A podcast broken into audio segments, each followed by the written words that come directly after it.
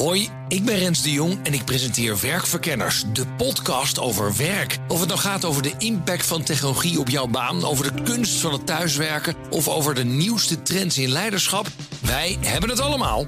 Luister iedere dinsdag om 3 uur naar BNR of wanneer maar wil op je favoriete podcastplatform. Werkverkenners wordt mede mogelijk gemaakt door Prescan. Prescan, ga voor je gezondheid. Blijf scherp.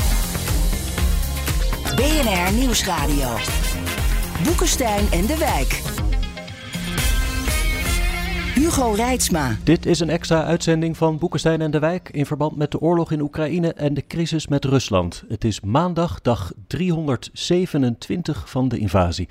Arjan, wat kan jij zeggen over de situatie aan het front? Nou, we moeten denk ik beginnen met die afschuwelijke aanval uh, zondag hè, op de stad uh, Dnieper. Die ja. aan alle kanten werd beschoten en, voor, en, vooral ook vanuit de Zwarte Zee, als ik het goed begrepen heb.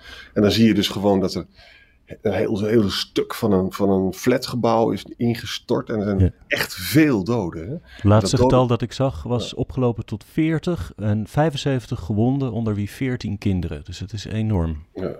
Het is zo bruut, hè. Dit is echt zo'n zo simpele manier van oorlogvoering. Hè. Als je het niet precies kan, dan doe je het maar zo. Hè.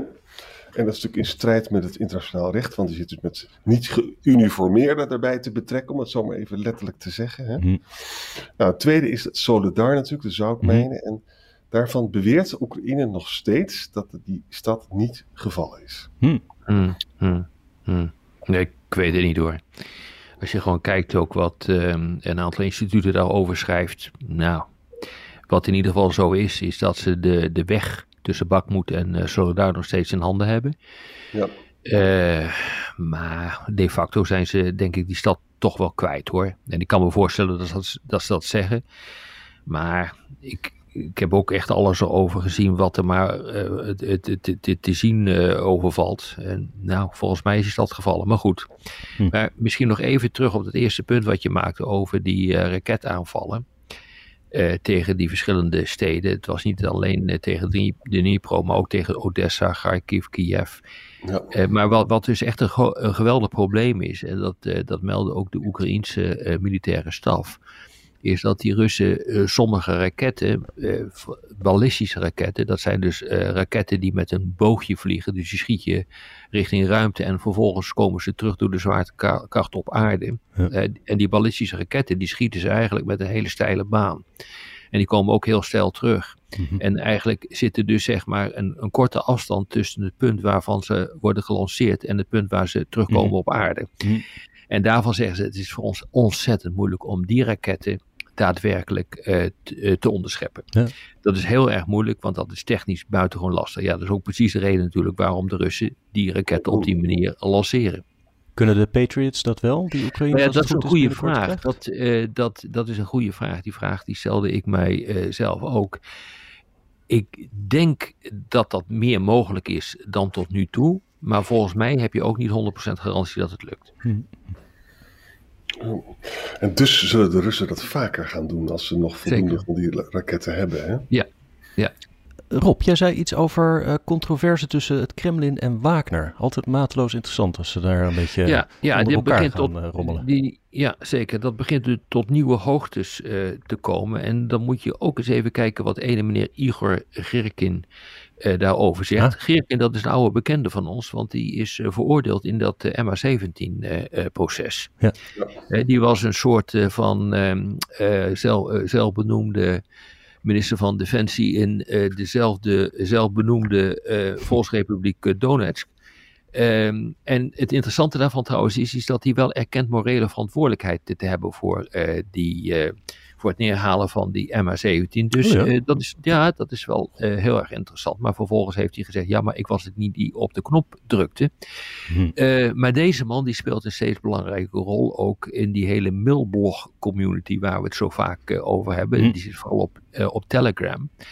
Um, en hij zegt van, ja, weet je, die, dat ministerie van Defensie in Rusland, dat wil eigenlijk alleen maar uh, zorgen dat ook die Wagner-eenheden komen onder die van het ministerie van Defensie. Dus die wil eigenlijk Wagner integreren in de, um, ja, in de krijgsmacht van, van Rusland. Mhm. En wat we nu zien is dat op die mailblog, in die mailblog community en ook mensen als Geerken die, die zeggen dat van ja, je, je bent eigenlijk helemaal niet meer bereid, Poetin of ministerie van Defensie in Moskou, om te erkennen welke successen Wagner uh, aan het uh, boeken is. Ook de Wagner-commandant, de Troshkev, die heeft hetzelfde gezegd. die zegt, jullie ontkennen gewoon de successen van Wagner. in de Donbass. Was ook En- letterlijk zo, hè? Gisteren of Ja. eergisteren was Prigozhin boos dat het Russische ministerie van Defensie iets uit had gedaan over nou, dat, hoe goed het allemaal ging in Solidar. En daar Exact. niks over Wagner gezegd. Dat hebben ze toen later aangepast. Dus Ja, dat geeft ook wel aan dat het niet lekker loopt. Nee, dat klopt. En eh, dat is dus wel echt een veel betekenis. eh, dat heeft ook veel betekenis hoor, vind ik. Want als je dit gaat doen, dan, dan zie je gewoon dat er dus een machtsstrijd aan de gang is. Politiek, maar ook militair. eh, binnen de gelederen van, ja, van Rusland. En dat is nooit goed voor Rusland. Dat is trouwens denk ik alleen maar goed nieuws voor, eh, eh, voor Oekraïne. Want dit betekent feitelijk ja, dat de eenheid eh, van inspanning, en dat is echt een essentiële voorwaarde om een oorlog eh, te kunnen eh, winnen, ja, dat daar wel wat aan schort bij de Russen. Omdat er gewoon verschillende lijnen zijn. Er zijn verschillende commandolijnen, er lopen verschillende politieke lijnen. Er zijn commandanten, Kadyrov, Dichetjen en Prigozhin, de man van Wagner, die hebben ook een eigen politieke doelstelling met wat ze willen bereiken. Ja, dat betekent dat het heel erg lastig is eh, voor de Russen om gewoon echt die hele zaak onder één Ja. ja, eh, verenigd commando te krijgen. En dat is precies nou de taak eh, van eh, Gerasimov, de, de hoogste militaire baas van Rusland, om het voor elkaar te krijgen. Dus dit is echt een geweldig probleem wat hier aan de hand is Ja. voor de Russen. En nogmaals, dat is alleen maar goed voor Oekraïne. En even onafhankelijk van die eh, strijd. Hè? Het is natuurlijk, de Wagnergroep stelt, eh, doet, eh, maakt een voorstelling van zaken waarbij zij de enige zijn die daar. Ja. En dat is ook weer niet waar. Hè? Ik bedoel, is Nee, ook dat een, is ook een regulier Nee. Nee. Maar ja, Rob heeft natuurlijk gelijk. Dat zo- als er dus ergens eh, tweespalt is, dan is dat wat goed nieuws voor de andere partij. Dat is Ja, dat is zo, ja. ja. Klopt. Ik las Ja, ook dus ergens is toch wel even iets om dat goed in de gaten te houden. En is volgens mij ook een van de belangrijke redenen waarom Gerasimov eh, gevraagd is om die hele handel te organiseren, te reorganiseren. En om alles eh, onder één, ge- eh, één eh, unified, dus een verenigd commando te brengen. Nou ja, dat is natuurlijk ook precies waar Gerkin eh, op doelde. Hm. En eigenlijk wat je, wat je gewoon ziet is dat er een stel warlords aan de gang zijn. Ja. Met hun eigen legertjes en met hun eigen doelstellingen. Nou, dat dat- luidt altijd op gedoe. En dat betekent ook, jongens, dat die, die doelstelling, of die, die taak die Gerasimov, die is eigenlijk onuitvoerbaar. Hè? Ga nu maar nog maar eens Prigozhin terug in zijn hok eh, krijgen. Ik Ja, begreep exact. ook ergens dat Gerasimov dus juist niet zo'n goede band heeft met eh Prigozhin, terwijl zijn Ja. voorganger dat wel had. Dus Ja. dat, zo werd ze, de move dat hij werd aangesteld als commandant door sommige mensen geïnterpreteerd van dat is eh, vanuit het Kremlin eh, een, een, een beweging tegen de Wagnergroep om hen weer een beetje het hok in te krijgen. Zeker, absoluut. Maar het is, eh, en dat heb ik ook nog niet eh, eerder eh, ergens gelezen, maar volgens mij, ik heb het al eerder ge- gezegd in onze eigen podcast, maar volgens mij is het ook zo dat eh Gerasimov op deze manier ook op weg is naar de uitgang hoor. Ja. Want hij heeft een Hm. taak meegekregen. Ja, hij moet dus dit politieke gevecht voeren met deze warlord. Ik zo- noem hem maar eh, even zo. Die moet hij onder één commando zien te krijgen. Maar hij moet alles reorganiseren. Hij moet eh, de fouten uit het verleden herstellen. Maar er zitten zo, zoveel weeffouten in, dat, eh, eh, in die Russische krijgsmacht. eh, op het gebied van de commandovoering. Dat het denk ik ongelooflijk lastig is om dat voor elkaar te krijgen. Hm. Dus die, die, die Gerasimov wordt bijna met een onmogelijke taak eh, het veld in eh, gestuurd. Eh, dus ik moet nog zien of hij dit eh, politiek overleeft. Hm. Ja. Arjan, jij had een beetje de blik op de Duitsers eh, de afgelopen dag, hè? Ja, en dat is, is wel interessant. We hebben dus die mevrouw Lambrecht, hè, die is natuurlijk nu gewoon smadeloos ten onder eh, gegaan. Hè? Minister van Defensie. Ja. Minister van Defensie. En we moeten er niet te lang over praten, want uiteindelijk heeft het met de structuur allemaal niks te maken. Maar Kijk, ik zal heel kort vertellen wat er gebeurd is. Ehm, ze maakten allemaal publieke blunders, waarvan die video, die kerstvideo, weet je wel, dan stond ze te praten over dat ze allemaal tolle mensen in Oekraïne had ontmoet en zo, dat het geldig was. Dat op de achtergrond zat, werden, gingen dus allemaal raketjes gingen af. Het was, was heel pijnlijk. Totaal, totaal smakeloos. En ook haar reactie op de Oekraïne-oorlog was het sturen van 5000 helmen, dat natuurlijk ook eindeloos, eindeloos is uitgemolken op Twitter. Hè? En ook de hele langzame roll-out van de militaire opbouw van die 100 miljard, weet je wel. Dan hebben we nog die Puma panzerellende hebben allemaal gehad, weet je, die deed, deed het allemaal niet. Hè? Ja. Nou, hoe, hoe moet je dit nou zien? Ze heeft geen enkele militaire ervaring. En het enige wat ze heeft is dat ze zeer loyaal is aan Scholz, Hm. SPD-dame. En daarom heeft ze dit dus gekregen. Hè? Ze had ook nog een helikopter gebruikt eh, om haar zoon op te halen. Dat was ook nog een probleempje. Nou, wat interessant, het Duitse ministerie van Defensie is altijd een heel moeilijk defensie om te krijgen. Omdat er gewoon geen geld was. En altijd ellende. Hè? En, en je moest ook altijd de klappen opvangen voor, de bondskanselier. Hè? Je hebt er bijvoorbeeld Karl Theodor Feyers toen Koetenberg gehad. Hè? Die bleek toen zijn proefschrift overgeschreven te hebben. Moest die weg. We hebben Ursula von der Leyen daar gehad. Hè? 2013, 2019. Die had ook een probleem met plagiaat met haar proefschrift. Maar zij kon blijven zitten. Maar ze had weer een ander probleem. De Barate-affaire. Dat wil zeggen dus dat ze 391 miljoen aan McKinsey openmaakte voor een openbare aanbesteding. Zonder de Raad van Commissarissen in te lichten en zo. Hè? En dan hebben we Annegret Kramp-Karrenbauer gehad, weet je nog? Die, wilde, die heeft een greep naar de macht. En 2019, en dat is ook allemaal misgegaan. Dus het is een ongelukkig ministerie. En ik ben heel benieuwd wie, wie er nu gaat komen. Uh, Wie denk je dat het gaat worden, uh, Arjan? Nou er ja, doen een paar namen doen, ja, doen de ronde. Heel misschien dus de huidige defensiewoordvoerder van de SPD, dus mevrouw Scholz. Maar het kan ook heel goed iemand Maar wie, wie, wie is worden. dat? Ja, ze is gewoon de woordvoerder defensie van de SPD. Weet je wel, in, Ja, in de maar ja, borst- ja, ik heb begrepen dat, eh, dat eh, de favoriet van eh, Scholz Lars Klingbeil is. Ja. Dat is de leider van de S van de Sociaaldemocraten. En die komt uit een militaire familie. Maar, ja, maar er is een enorme druk om een vrouw weer aan te stellen. Ja. Eva Heugel wordt genoemd. Dat is, die zit in het parlement. Ja, er worden nog een paar genoemd. Eh Siemtje Muller. Die is op dit ogenblik staatssecretaris eh, van Defensie. Maar weet je, ik zou het gewoon wel aardig vinden in deze, in deze ehm, situatie. waarin eh, niet de enige kwalificatie die je hebt man of vrouw is. Maar gewoon dat je iemand neemt die gewoon van wanten Ja. weet, die begrijpt wat hier aan de hand is. Ik bedoel, dat vind ik eerlijk gezegd belangrijker Hm. dan een hele genderdiscussie die we zouden moeten hebben. Ehm, ja, ik bedoel, ik, als je een goede vrouw hebt, moet je hem nemen. Eh, moet je haar nemen, moet ik bedoelen, eh, moet ik zeggen. Maar als je een goede man hebt, dan moet je hem ook nemen. Dus laten we nou gewoon even kijken wie dit het beste kan doen. En wat erbij komt, jongens, dit, is, dit heeft heel erg duidelijk ook de geur van de, de politieke loyaliteit was hier doorslaggevend voor de baan. Hè? Nou, dat kan leiden tot dit soort ongelukken. Wat, wat een groot verschil tussen Christine Lambrecht en bijvoorbeeld die Habeck, waar we vaak over praten. Ja. Hm. En wat- en wat is er- Economieminister, economie Ja. en klimaat. Ja. Ja. Ja, wat is er nou zo belangrijk aan, aan Habeck? Habeck is iemand die verantwoordelijkheid neemt. Moet je je voorstellen, je bent tegen kernenergie. Je bent tegen wapenleveranties aan oorlogsgebieden. Je bent tegen LNG-terminals. Je bent tegen LNG kopen. Je bent tegen weer opstarten van kolencentrales. Hè? En Habeck is op al die punten is hij gedraaid omdat er anders oude vrouwtjes zouden gaan sterven in Berlijn en omstreken. Hè? Hm. Nou, dat vind ik dus echt leiderschap. Hè? Dat je dus Nou ja, er niet- moet ook een, een discussie komen over die tanks. Ja. Ik bedoel, Mhm. eh, er, zijn dus, er moeten tanks worden gestuurd. Ja. naar, ehm, eh, naar Oekraïne. Eh, Duitsland speelt er een sleutelrol in. Ja. Natuurlijk ligt dat, dat is chefzagger. Natuurlijk ligt dat bij de premier, bij Scholz, bij de, bondskan- eh, bij de bondskanselier.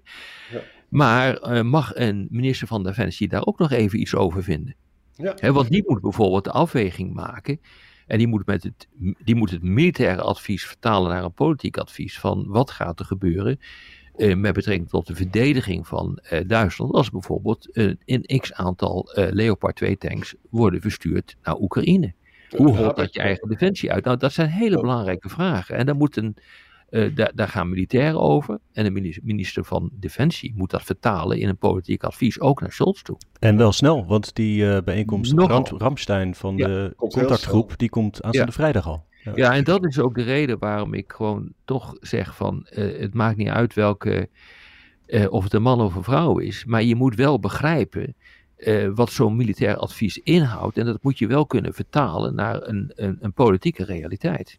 En ook Habeck roert zich hier ook. Hè? Die heeft ja, zeker. vorige week al gezegd van luister eens, je, kunt het allemaal besluiten om het zelf niet te doen, maar het is nog wat anders om het andere te ontzeggen. En daarmee bedoelt hij dus de Leopards in Poolse en in Finse handen. Hè? Hm. Dus ook daar is dus, moet je je voorstellen, dit is een jongen van de Groenen. En die zijn Habeck en hij zijn realo's. Habeck en Baerbock zijn realo's en die willen gewoon tanks leveren. En dat zeggen ze ook tegen Scholz. Mm Dus ik vind dat wel ik vind dat indrukwekkend. Dat mensen niet vastzitten in hun oude ideeën, maar dat ze zich aanpassen aan de, aan de vereisten van de tijd. Ja, Oké, en dat is dus het belang van die poppetjesdiscussie waarvan ik denk, nou ja, het lijkt Den Haag wel daar in Berlijn. Ja. Maar dat gaat om die, uh, die Leopard tanks voor Oekraïne. Ja, maar nu komt het er wel op aan. Hè, poppetjes zijn nu belangrijker dan ooit. Als je dus uh, iemand uh, hebt die bij wijze van spreken geen tank van een grasmaaier kan onderscheiden, dan heb je wel een probleem. Nee, dat is dus echt een probleem. Kijk, in vredestijd is dat allemaal geen probleem. Maar hier in, in oorlogstijd en in crisistijd wordt natuurlijk gewoon het kaf van het koren gescheiden. Ja, en dat kun je ook verbinden met een discussie die Rob ook heel vaak aanzwengelt. Hè? Engeland stuurt nu 14 Challenger 2 tanks. Hè? Ja. En Sunak heeft dus gezegd zondag, nou, eh, we moeten echt nu doorpakken, want een lange oorlog is voordelig uh, voor Rusland. Ja, maar dat is allemaal leuk en aardig. Maar uh, we gaan straks nog praten over dat artikel in Foreign Affairs van Daalder. Hè. Zelfs als we al die tanks leveren, dan zal het waarschijnlijk nog steeds een lange oorlog zijn en met een frozen conflict. Dus moet je ook denken A aan de verdediging van je eigen grondgebied. Uh, en ook gewoon van wat gaan we nou doen als we straks dan weer vast komen te zitten. Hè? Ja. En dat, is, dat vind ik toch een beetje een intelligenter benadering dan wat Sunak nou allemaal weer zegt. Hè? Ja. Hm. Ja. Volgens mij gaan we daar morgen verder over praten. Uh, nu, we, nu we nog in Europa zitten, in Duitsland, er was een paar dagen geleden alweer, hadden we nog een beetje laten liggen, een nieuwe overeenkomst tussen de EU en de NAVO uh, gesloten. Ja. Ik begreep niet helemaal wat daar nou in stond. Het klonk allemaal een beetje vaag. Ja, nee, je, dat is inderdaad hogere uh, diplomatiekunde, om het maar zo te zeggen. Uh, maar wat daar feitelijk in staat, is uh, dat, het, dat voor de zoveelste keer wordt benadrukt dat de EU en de NAVO dezelfde waarden toe, toegedaan zijn. Uh, dat uh, er een scheiding is uh, tussen de NAVO en de Europese Unie, omdat de NAVO over de collectieve verdediging gaat van het, van het verdragsgebied, maar dat de Europese defensie, en dat is wel cruciaal, moet worden versterkt. Ook via de lijn van de Europese Unie, want dat mm. draagt dan ook bij aan een sterkere NAVO. Ehm, en dat dus NAVO en de Europese Unie complementair aan elkaar zijn en niet elkaars tegenstanders. En dat is hm. politiek wel erg belangrijk, omdat uh, de Fransen. Die zitten erg op uh, de toer van nee, het moet via de Europese Unie uh, gebeuren. Nederland zit erg op de toer nee, dat moet via de NAVO gebeuren. Maar de NAVO en de Europese Unie zijn gewoon complementair. En ik denk dat dat ontzettend belangrijk is om dat je te realiseren. Hm. En dat een aantal zaken, daar wordt ook heel sterk samengewerkt al sinds een aantal jaren tussen de NAVO en de Europese Unie, bijvoorbeeld hm. het gebied van cyber. Ehm, of het gebied van weerbaarheid van eh, de bevolking. Ehm, of het, uh, op het gebied van uh, hybride dreigingen voor, het, voor Europa. Dat is iets wat de NAVO en de Europese Unie samen zullen moeten pareren. Hm. Ja. ja. wat ik er interessant aan vind, dit is een, een, een discussie die al decennia lang speelt. Hè? Hm. Ja. En als je bijvoorbeeld in de jaren zeventig in Brussel werkte, dan dan werd er ook opgemerkt, ja, weet je wel dat die EU-mensen, die NAVO's, die praten helemaal niet met elkaar. Dat zijn gewoon twee aparte hm. werelden, hè? wat natuurlijk ook gek is. Hè? Nou, je hebt twee extreme standpunten. Je hebt de standpunt dat de NAVO is alleen belangrijk en de EU mag niks aan veiligheid doen. Hè? Dat is één extreem standpunt. En het andere extreme standpunt is van nee, we moeten een Europese krijgsmacht of zoiets hebben buiten de hm. NAVO. Hè? Nou, zelf mijn eigen standpunt, ik zou graag een Europese zuil maken binnen de NAVO. Hè? Hm. En dan, en dan lees ik dit, hè, dan ga je dus heel semantisch worden en heel wettisch. En dan staat hier van, we willen, wij erkennen de waarde van een sterke en meer capabele Europese defensie, die bijdraagt aan global en transatlantic security. En is complementair en ook interoperabel met NAVO. Hè? Ja. Eigenlijk is dat complementair een stuk belangrijk. Hè? Dan zou je kunnen zeggen dat is dan. Ja, complementair betekent aanvullend. Hè? Dan zou je nee, nog kunnen nee, zeggen... nee, nee, nee, elkaar versterkend. Nee, is niet complementair. Het is elkaar, uh, elkaar versterkend. Ja. Complementary. Nou, het, nou goed, maar de, de, de definitie van die term is belangrijk. Is dit nou een Europese zuil? Of is het toch een mogelijkheid een beetje opengelaten voor de Fransen? Dat je ook nog iets aparts Europees kan. Uh, volgens mij gaat die discussie dus nog steeds gewoon door. Nee, nee, nee. Het, zit echt, het is echt anders volgens mij. Vertel, vertel. En daar zie je, nou ja, kijk, het, het punt is. Uh, de Europese Unie uh, die heeft zijn eigen uh, uh, militaire planningssystematiek, net zoals de NAVO. Ja. Een aantal ehm, Europese landen is lid van de NAVO, maar niet van de Europese Unie. het geld zit niet in de NAVO, maar zit in de Europese Unie. Ja. de Europese Unie financiert ehm, ontwikkelingsprojecten voor de Europese krijgsmachten, waarmee de, de defensie van die Europese landen wordt versterkt. En dat zorgt ervoor dat uh, binnen, de, binnen de NAVO ook de Europese landen gezamenlijk uh, sterker worden binnen, het, uh, Europese, binnen, binnen de NAVO zelf. dus ehm, dat is vrij complex om, om, dat, om dat te kunnen begrijpen. Maar het is dus niet zo dat je binnen de NAVO een Europese cel kan ontwikkelen, omdat daar ook gewoon geen geld zit. Hetzelfde geld zit in de Europese Unie, niet binnen de NAVO. Ja, dat is belangrijk wat je zegt. Zo. Maar is hiermee dus vanuit, vanuit, die gezamenlijke fondsen worden allerlei projecten uh, georganiseerd. Nou, die projecten die hadden aanvankelijk uh, als doelstelling, en daarom is dit echt een hele belangrijke discussie, om ervoor te zorgen dat de NAVO, uh, sorry, dat de Europese Unie kleinschalige operaties zou kunnen uitvoeren. En dat heeft de uh, Europese Unie ook al heel erg lang gedaan. Er zijn echt heel veel militaire operaties ook uitgevoerd door de Europese Unie. Uh, onder andere voor de kust van Somalië, waarbij interessant genoeg de ene keer de Europese Unie deed, de andere keer de NAVO het uh, deed. Hm. Um, en je, je ziet dus dat ehm, nu een discussie aan de gang is of die, ehm, die gelden ook niet moeten worden gestopt in operaties die uh, bedoeld zijn om, de om het NAVO-gebied zelf te verdedigen. Nou, die discussie loopt nu op dit ogenblik. En volgens mij is het ook een, een onderdeel van die discussie. Hm. Rob, als ik je goed begrijp, zeg je terecht van er zijn zoveel EU-gelden voor de ontwikkeling van wapensystemen en dergelijke. Ja. En dat is gewoon heel belangrijk voor de NAVO. Want de, ja, de NAVO-leden hebben dat geld vreselijk hard nodig. Dus de ja. Stoltenberg moet gewoon een beetje beleefd tegen Van der Leyen zijn. Ook om financiële redenen. Ja, dus dan is het inderdaad complementair. Dus je financiert de ontwikkeling van uh, Europese capaciteiten. En die komen vervolgens uh, ook ten goede van de NAVO, omdat Europese capaciteiten de NAVO ook als geheel versterken. Daar komt het feitelijk op neer. En hmm. die discussie loopt nu. Het is dus een, een continue uh, ja, een, bal, een balanceeract tussen dat Franse standpunt, die alles in de Europese Unie uh, wil doen, en bijvoorbeeld het Nederlandse standpunt, die eigenlijk uh, zoveel mogelijk binnen de NAVO wil doen. Het en is dat, laatste niet, is dat laatste ook niet nog steeds het Amerikaanse standpunt? Nee, het Amerikaanse standpunt is op dit ogenblik enorm verschoven. En dat is uh, een probleem tussen aanhalingstekens voor uh, Nederland. De Amerikanen zeggen: Europeanen, doe gewoon echt zoveel mogelijk. En doe dat ook in EU-verband. En zorg ervoor dat je er geld tegenaan smijt. Waar dat geld vandaan komt, maakt niet uit. Hm. Maar doe het. Ja. Hey, nog eventjes naar uh, de dag van morgen, denk ik. Want dan gaat uh, Rutte uh, en Hoekstra volgens mij naar het Witte Huis. Hè? Ja, interessant hoor. Hij gaat natuurlijk over twee dingen praten. Ik heb geprobeerd te kijken wat, wat er op die agenda staat. Ja, dat is redelijk vaag. Dat is bilaterale economische samenwerking. Dat is uh, de oorlog in Oekraïne. Nou ja, dat, je kunt er dus van alles onder vatten. Maar één ding uh, is al redelijk uitgelekt. Of ik weet niet eens of het uitgelekt is. Misschien is het ook wel gewoon verteld. En dat is gewoon de positie van ASML. Ja. Uh, de fabrikant van lithografiemachines. Een buitengewoon belangrijk... Uh, Nederlands uh, bedrijf. Nou, eigenlijk kan je nauwelijks bespreken van een Nederlands bedrijf. Het is een mondiaal uh, opererend bedrijf. In Veldhoven? Ja. ja. die, exact. En die machines maakt waarmee je chips, halfgeleiders kunt maken. En zeer geavanceerde halfgeleiders. De Amerikanen willen niet dat er een exportvergunning wordt afgegeven voor die machines. Ehm, voor de export naar, naar China. Dat hm. weten ze tot nu toe redelijk goed te blokkeren. Want de Amerikanen zijn bezig met een eh, met een economische oorlog eh, tegen China. Om ervoor te zorgen dat dat land zich niet heel snel kan gaan ontwikkelen.